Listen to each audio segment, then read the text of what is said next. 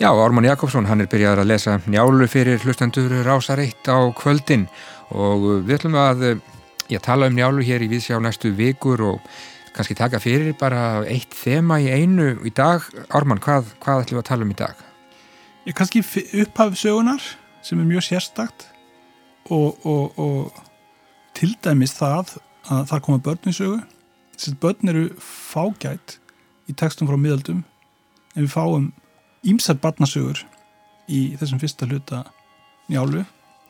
Og svo hefur auðvitað fyrsti upphafi njálu vakið svolítið aðtekli fyrir það að þar er engin njál og engin gunnar á hlýðarenda og, og í staðin fjallar þetta allt saman um Rút Herjálsson sem er stórmerkileg og margliða persona og sagan eins og, eins og kemur fram í lestrinum hefst á því að Rútur er kynntu fyrir Hallgerði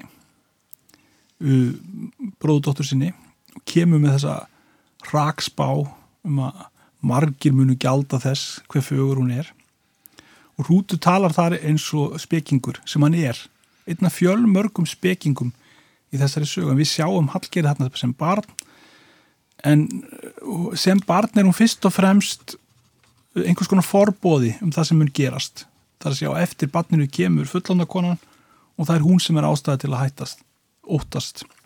En auðvitað kemur fram þarna að börn geta verið stórhættuleg þau geta börn geta breyst í stórhættulegar fagrar konur. Og auðvitað er þetta ekki beilinlis kurtist af hrúti að koma þessa spá.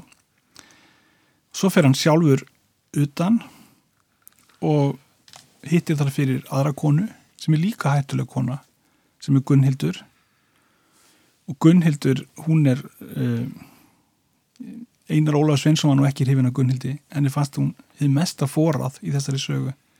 En það má líka skilja Gunnhildi bara svo einfallega sem kynþokkafulli eldri konu sem gera það sem hún vill sem hefur völd og notaðu og þegar hún sér hrút þá hugsa hún bara hér er komin sá hrútur eða fóli eða hvað við kallum svona menn sem ég vil njóta góðs af. Og hún bara tekur hann strax sem einhvers konar kynlífsleikfang og segir þú skal liggja hér hjá mér í nótt og við tvö saman, segir hún. Þannig að hún bara ákveði það, það er, hún, er, hún er ekkert að spyrja um leifi eins og núna er uh, síðara manna háttur að spyrja um leifi áður en kynlíf hefst. Gunnhildur bara tilkynunum að þetta sé það sem hann á að gera. Og skellir í lás. Já og svo, svo bannar hún öllum að segja frá því þetta er svona, þetta er svona, þetta er svona leinilegt samband en ekki leinilega en svo allir vitum það. Og Úlfur óþvegin hirmaður, hann lætur rútfáða óþvegið þegar þeir eru að berjast. Og, og svona fyrir að dilgja um sambandið sem finnum ekki betur en svo hann er vegin uh, og svo unir rútur sér vel þarna. Hann, hann er bara nýti sér það að Gunnhildur hefur þessa ástáðunum en segir segir hann aldrei frá unni að hann sé trúlofaður heim á Íslandi og þá leggur Gunnhildur á hann þessi hræðilegu álög sem er nú kannski svolítið írónísk álög. Það veit engin nákvæmlega í hverju kynlífs vandamál hrúts fólst og menn hafa svo sem deilt um þetta. En svo verðist sem vera sem það sé uh, getnaði limurinn sem uh, þykir nú gott að hafa stóran að minnskostu marka má tölvupósendingar til kallmanna sem reglulega fá tölvupósendingar um að hvort sé ekki vilji ekki láta stækka þetta tiltekna lífari að hann verður ofstór hann kemst ekki inn og þetta gerist bara þegar hann uh, vil uh, barna unni. Þannig að þetta eðilegu hjónabandið að hrútur er of mikill kallmaður fyrir unni, þetta er svona einhvers konar tákran álög. Mm -hmm. og mjög írónísk hún er einu önveru tekur stolt kallmannsins og í staðin fyrir að minga þá stækkar hann það en gerir það þar með ónátæft þannig að þetta er ekta kvennahúmor finnst mér. Enda finnst köllum þetta almennt ekki jafnfyndið á konum. Ég tekki eftir því þannig áli lesin að konum finnst þetta fyndnar en köllum. Mm. Þú segir að hrútur sé marg hliða Hvern, hvernig þá? Já það er vegna þannig bæði mjög hraustur mikil vígamaður en hann er líka spekingur, hann er forspár hann, hann, hann er hann er raun og veru einhvers konar forveri bæði Gunnars sem síðan skora hann á hólmins og hann hrútur skoraði mörðahólm og svo njáls sem er alltaf þeir eru beðnir um að segja álitsett á öllum sköpuðum hlutum og hrútur, hann er eins og njál, hann veit allt best. Og, og það er fjölmarkir svona spekingar í njálu og njál, njál, njál, njálu höfundur hefur greinilega haft mikið dálæti á spekingnum sem manngerð. Og það er eitt skemmtilegasta atfyrk tengt spekingi er þegar Hildiglúm, unglingspiltin Hildiglúm, dreymir hérna mjög sent í sögunni mjög ókvænlegan draum og spekingurinn Hjalti Skeggjasonin spurður hvað merkir þessi draumur? Og hann segir þetta er gandrið en það skýrir ekki neitt. Hann bara, hann bara nefnir eitthvað tiltekið nafn, þetta er það sem það er þetta er bara svona eins og lækni segja mann einhver sjúkdómsheiti á latínu og, og maður veit ekkert hvað þetta merkir og þetta er einhvern veginn skýring þetta er bara verið að vera að nefna og þetta gerir Hjalti mm -hmm. og, og spekingar eru líka þannig að þeir segja sem fæst og hafa þetta gætna svolítið torrætt og, og Rúturendar er ofinnulegur því að hann segir eitthvað svolítið beint út hvað, hvað hann finnst og hefur almennt rétt fyrir sér Já. en svo kemur þetta hinbötnin í söguna í lokin þegar um, unnur hefur auðmygt Rút ofinberlega ég meina þetta kynlísvandamál hans verður umræði efni um allt land og alþingið, það verður sér að allt þingið er að hlæja þessu viðkvæma vandamáli Rúts og svo telur hann sig hafa unnið.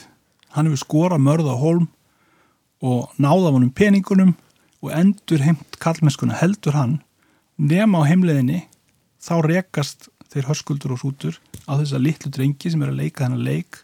Alþingisleikin getur við kallað hann.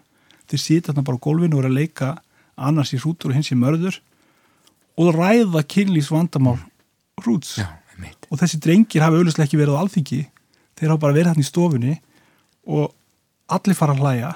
Og þetta er sjálfsagt svolítið vandrarlegur hlátur vegna þess að þetta merkir auðvitað að heima fólki þarna sem þykist hafa mikla samur húti hefur að ræða þetta vandamál fyrir framann drengina. Þessi drengirnir hafa þetta ekki að sjálfum sér þannig að, þannig að rútur uppgötur hérna, hann horfið skindil í augu við það að þetta er ekki búið hann mörgur að lifa með þessu alla tíð.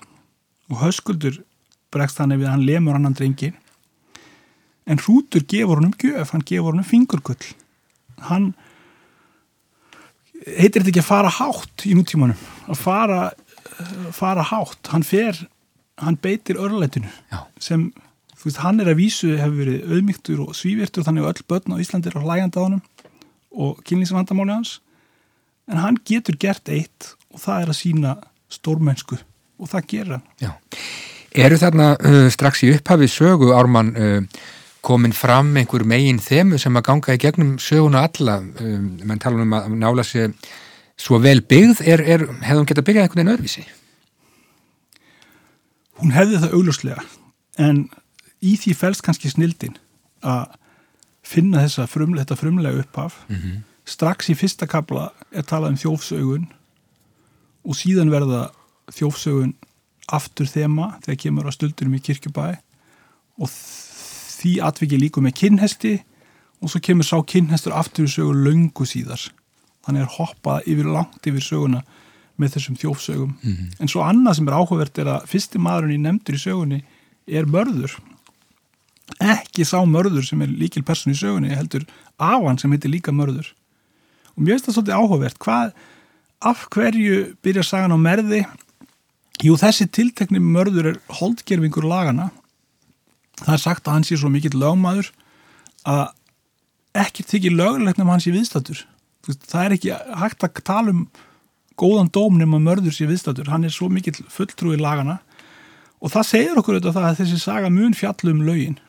Og það er náttúrulega engin íslensk miðaldarsaga sem er jafnmikinn áhuga á lögum. Sem sýnir jafnmikinn áhuga á lögum og njála. Já. en svo er það líka er hann afi ílmennisins og minnir okkur þannig á að þið ítla er mikilvægt afl í þessari sögu. Þannig og þetta býr hann á rángarvöllum sem er sögusvið sögunar þannig að þetta þrend gera það virkum við erum strax stött á rángarvöllum það er búið að kynna lögin það er búið að kynna alþingi og það er búið að kynna hefði ítla og svo förum við þegar búið er að kynna allt þetta þá er hægt að fara í, í Dalasíslu og kynnast hauskuldi og rúti sem valla er tilvíljuna er kynntið þarna. Þetta hafi verið frægir menn úr lagstalasögu og, og með því að kynna þá þá er strax búið að tengja njálu við lagstalasögu Já, látum það verða loka orðin í dag. Takk fyrir njálu spjall Ármann Jakobsson. Takk fyrir mig